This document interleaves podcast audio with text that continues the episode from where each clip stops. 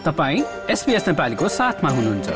अरू रोचक सामग्रीहरूका लागि SBS dot com dot slash Nepali जानुहोस्।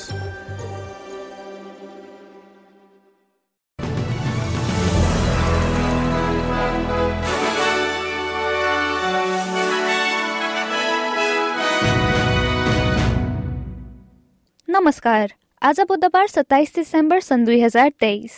अब पालो भएको छ एसबीएस नेपालीमा। आजका प्रमुख अस्ट्रेलियन समाचारहरू सुन्ने। सुरु गरौँ क्विन्सल्यान्डमा आएको आदिबाहेरी सम्बन्धी प्रसङ्गबाट।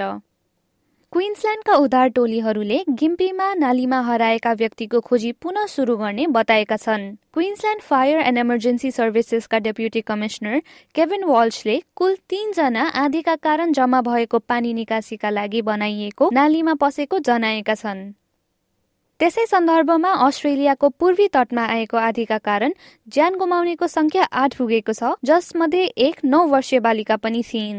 क्विन्सल्यान्डका अधिकारीहरूका अनुसार मोटेरन बेमा एघारजना सवार डुङ्गा पल्टिएर घटनामा तेस्रो शव फेला परेको छ। विपक्षीले संघीय सरकारमाथि अस्ट्रेलियनहरूलाई किराना सामानको बढ्दो लागतमा मद्दत गर्न असफल भएको आरोप लगाएको छ।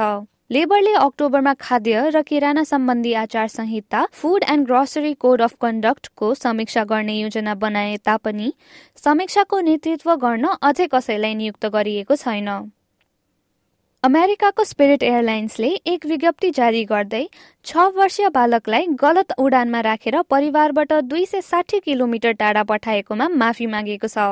सो परिवार बालकका साथ मिडवेस्ट फ्लोरिडा अन्तर्राष्ट्रिय एयरपोर्टसम्म यात्रा गर्ने उद्देश्यले आएको बताइएको छ।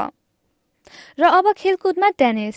शुक्रबार डिसेम्बर उन्तिसबाट सुरु हुने युनाइटेड कपमा भाग लिन वेस्टर्न अस्ट्रेलिया र न्यू साउथ वेल्समा हाई प्रोफाइल खेलाडीहरू आइपुगेका छन्। अस्ट्रेलिया ओपन भन्दा अगाडि आयोजना हुने यो प्रतियोगिता पर्थ र सिडनी दुवैमा आयोजना हुनेछ जहाँ खेलाडीहरूले आफ्ना राष्ट्रको प्रतिनिधित्व गर्नेछन्। हस्त एसपीएस नेपालीबाट आजका प्रमुख समाचार यति नै। सुरक्षित रहनुहोस्। नमस्ते।